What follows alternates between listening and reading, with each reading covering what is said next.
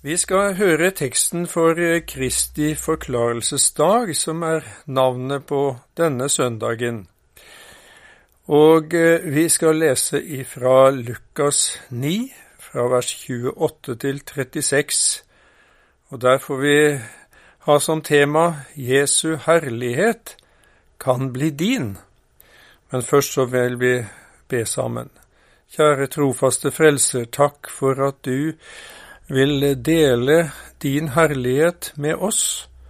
Det er så ufortjent. Vi takker deg for at du ved din ånd har lovet å være sammen med oss nå når vi skal dele ordet med hverandre. I Jesu navn. Amen. Omkring åtte dager etter at han hadde sagt dette, skjedde det at han tok med seg Peter, Johannes og Jakob og gikk opp i fjellet for å be. Og mens han ba, ble hans ansikt annerledes å se til, og klærne hans ble skinnende hvite. Og se, to menn samtalte med ham. Det var Moses og Elia. De viste seg i herlighet og talte om hans bortgang, som han skulle fullbyrde i Jerusalem. Peter og de som var med ham, var tynget av søvn. Men eh, da de ble fullt våkne, så de hans herlighet og de to mennene som sto sammen med ham. Og det skjedde idet mennene skulle skilles fra ham, at Peter sa til Jesus, Mester, det er godt at vi er her. La oss bygge tre hytter, en til deg, en til Moses og en til Elia. Han visste ikke hva han sa. Mens han talte, kom det en sky og overskygget dem, og de ble forferdet da de kom inn i skyen. Og det kom en røst ut fra skyen. Dette er min sønn, den utvalgte. Hør ham. Da røsten kom, så de ingen uten Jesus alene. De tidde stille og fortalte ingen i de dager noe om det de hadde sett. Da jeg en gang eh, googlet eh, ordet herlighet, kom eh, følgende opp. Herlighet, gaver, interiør og tekstiler i en herlig blanding. Gi fantasien fritt spillerom. Du finner oss på Moa. Det er i Ålesund, altså. Ja, det er ikke tvil om at herlighet står for noe fint og flott, selv om butikken på Moa tross alt har et begrenset utvalg. Men eh, Guds herlighet er av en helt annen kvalitet og verdi. Begrepet brukes i Bibelen om den himmelske lysglansen som eh, viser seg når Gud åpenbarer seg som for eksempel i den lysende skyen som senket seg ned over tabernaklet, helligdommen som israelsfolket bar med seg under ørkenvandringen. Det var et eh, tegn på at Gud var nær sitt folk, at han var med dem med sin himmelske rikdom og makt, midt i deres fattigdom og nød. Guds herlighet eh, brukes også om eh, Guds egenskaper, enten samlet eller enkeltvis. Når Gud griper inn og handler i historien, åpenbarer han sin herlighet. Enten det er snakk om hans rettferdighet, hans makt og kjærlighet, eller hans hellighet og vrede. I Salme 97 heter det Himlene forkynner hans rettferdighet. Alle folkene ser hans herlighet. Denne herligheten mistet vi da de første menneskene falt i synd. Alle har syndet og mangler Guds herlighet, heter det i Rombrevet 3. Vi mangler de grunnleggende kvalitetene som er nødvendig for at vi kan leve i samfunn med Gud. Vi passer ikke i hans nærhet, enda mindre enn at vi kunne finne på å stille opp i middag på slottet i de mest skitne og fillete klærne du kan tenke deg. Resultatet var gitt. Vi ville ikke komme inn. Slik er det også hos den himmelske kongen, lærer Jesus oss ved å fortelle om han som prøvde seg med egne klær i kongesønnens bryllup. Han ble kastet ut, for han manglet bryllupsklærne. Han manglet Guds herlighet. Har du gjort deg klar til det himmelske bryllupet? Har du sørget for å få del i Guds herlighet? Lurer du på hvor du kan få tak i den? Jo, her og nå, gjennom det budskapet du hører om Jesus. For vi har allerede hørt om eh, hvordan Guds herlighet ble synlig i Jesus, på fjellet, sannsynligvis Hermon, nord i Israel. Og mens han ba, ble hans ansikt annerledes å se til, og klærne hans ble skinnende hvite. Matteus forteller det slik, og han ble forvandlet for øynene deres. Hans ansikt skinte som solen, og klærne hans ble hvite som lyset. Ellers var Jesus å se til som et vanlig menneske. Han gikk ikke omkring med en glorie på hodet. Han skjulte sin guddommelige natur under en tjeners skikkelse.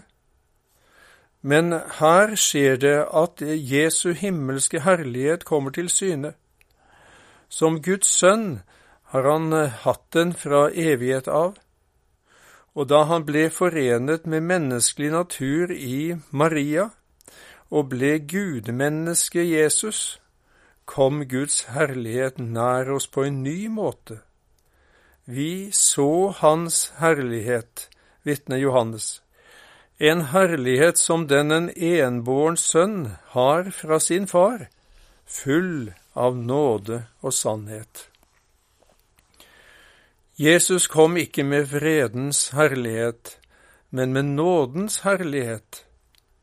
Som sann Gud og sant menneske kunne Jesus leve et fullkomment liv i vårt sted.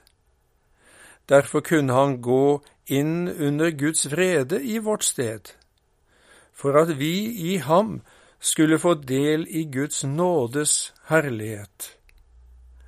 Nåden gir oss tilgivelse og alt det vi trenger for at Gud kan være fornøyd med oss. Derfor kan Jesus si til sin far, Og den herlighet som du har gitt meg, har jeg gitt dem. Dem er ikke bare de disiplene Jesus hadde rundt seg da han gikk her på jord. Han tenker også på dem som ved deres ord kommer til tro på meg, heter det i sammenhengen i Johannes 17. Det betyr at du som tror på Jesus, har del i Guds herlighet. I Jesus Kristus er altså Guds herlighet tilgjengelig for oss. For det er fortsatt sant at alle dem som tok imot ham, altså Jesus, dem ga han rett til å bli Guds barn, de som tror på hans navn. Men det var ikke bare Jesus som viste seg i sin himmelske herlighet på fjellet. Moses og Elia var også synlig til stede. Og se, to menn samtalte med ham det var Moses og Elia. De viste seg i herlighet, hørte vi. Moses representerer loven, de fem Mosebøkene. Elia representerer profetene, det vil si resten av Det gamle testamentet. Hva var det de snakket med Jesus om? De talte om hans bortgang som han skulle fullbyrde i Jerusalem, hørte vi. De snakket altså sammen om Jesu død. Ja, men hadde ikke Jesus Guds herlighet? Kunne han da dø? Ikke hvis han bare hadde hatt sin guddommelige natur. For Gud kan ikke dø.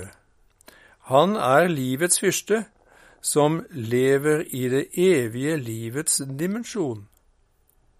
Men fordi ordet ble kjød og tok bolig iblant oss, kunne han bli tilregnet all verdens synd. Og dermed både kunne og måtte han dø. For på den måten kom han inn under syndens og dødens lov i vårt sted. Syndens lønn er nemlig døden. Denne stedfortrederordningen var Moses og Elia godt kjent med, for gjennom hele Det gamle testamentet var den blitt praktisert på foreløpig måte gjennom alle dyreofringene. Men de var også vel kjent med løftene om det fullkomne offeret som skulle bringes en gang gjennom Guds Messias, Jesus Kristus. Slik det heter i Jesaja 53, men han ble såret for våre overtredelser, knust for våre misgjerninger. Straffen lå på ham for at vi skulle ha fred, og ved hans sår har vi fått legedom. Nå begynner dette å nærme seg. To ganger i dette kapitlet står det at Jesus forberedte disiplene sine på at dette skulle skje. Før teksten vår sier han at menneskesønnen må lide meget og bli forkastet av de eldste og ypperste prestene og de skriftlærde. Han skal bli slått i hjel, og på den tredje dagen skal han reises opp. Og etter teksten vår kan vi lese Gjem disse ordene i deres ører.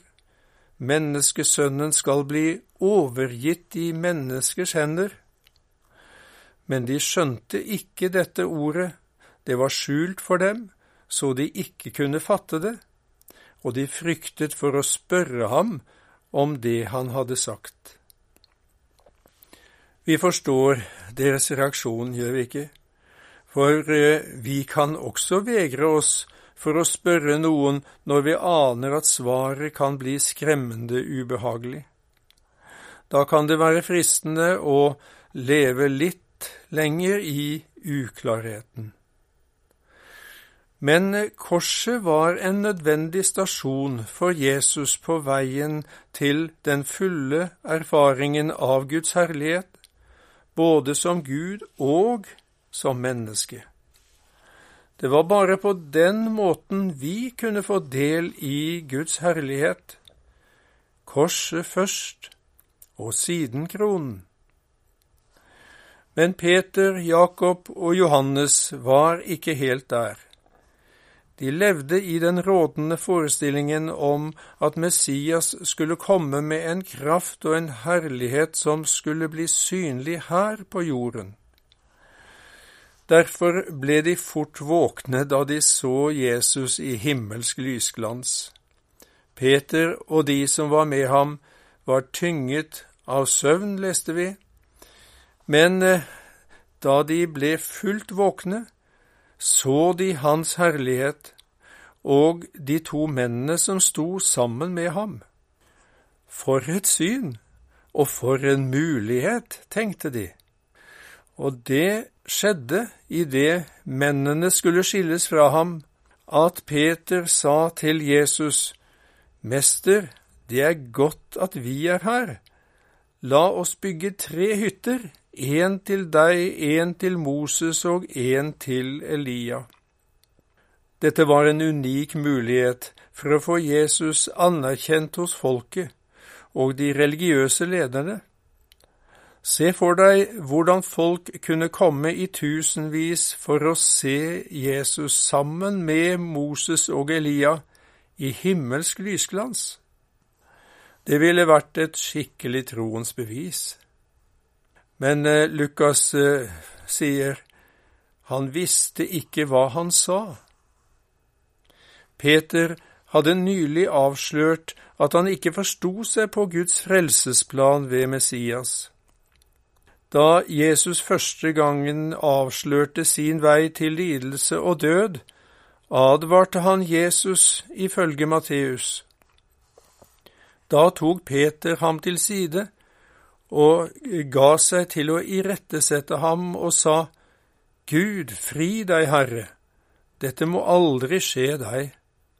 Men han snudde seg og sa til Peter, Vik bak meg, Satan, du er til anstøt for meg, for du har ikke sans for det som hører Gud til, men bare for det som hører menneskene til. Det er så fristende for oss å tenke at det beste ville være å gå utenom lidelsen, gå utenom motgangen, gå utenom korset. Hvorfor ikke heller satse på det som er behagelig, på fremgang, på herlighet, her og nå? Vil det ikke bli mye lettere å få folk til å tro på Jesus da? Tenk å kunne si Kom til Jesus og bli rik, vellykket, frisk. Ja, det er nettopp dette herlighetsteologien lover. Så blir fokuset vendt mot det synlige og sensasjonelle, mot det jordiske og det nåværende. Men eh, Jesu vei til Guds herlighet gikk via korset, ikke for sin skyld, men for vår skyld. Det lærer vi av det som videre skjedde på Hermonfjellet. Mens han talte, kom det en sky og overskygget dem, og de ble forferdet da de kom inn i skyen. Og det kom en røst ut fra skyen, Dette er min sønn, den utvalgte, hør ham.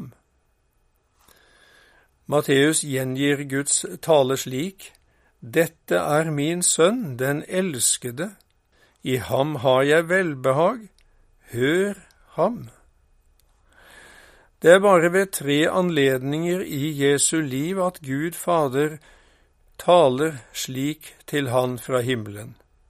Ved Jesu dåp, der han tok på seg ansvaret for alle våre synder, og så her, etter at Jesus første gang har fortalt disiplene sine om veien til korset, hvor han skulle sone alle våre synder. Og på en av de siste dagene før påske, da Jesus ga uttrykk for angst i forhold til det som snart ventet han, og skulle møte den hellige Gud som om han var den eneste synderen i verden. Far, herliggjør ditt navn, ber han i Johannes 12. Da kom det en røst fra himmelen, Jeg har herliggjort det, og jeg skal igjen herliggjøre det. Det tyder på at for hver gang korset nærmet seg, der Jesus skulle dø for våre synder, så trengte han en bekreftelse fra sin himmelske Far på at han like fullt var Guds utvalgte og elskede sønn, som ikke skulle bli sviktet. For han fikk ære og herlighet av Gud Fader, skriver Peter i 2. Peters brev 1. Da en slik røst lød til ham fra den aller høyeste herlighet. Dette er min sønn, den elskede, som jeg har behag i. Dette er korsteologiens vei til herlighet. Korset først, og siden kronen. Slik var det for Jesus. Slik er det for hver den som vil følge Han i tro. I verset etter at Jesus første gang har fortalt om lidelsens vei som han måtte gå for oss, sier han, Om noen vil komme etter meg, da må han fornekte seg selv og hver dag ta sitt kors opp og følge meg.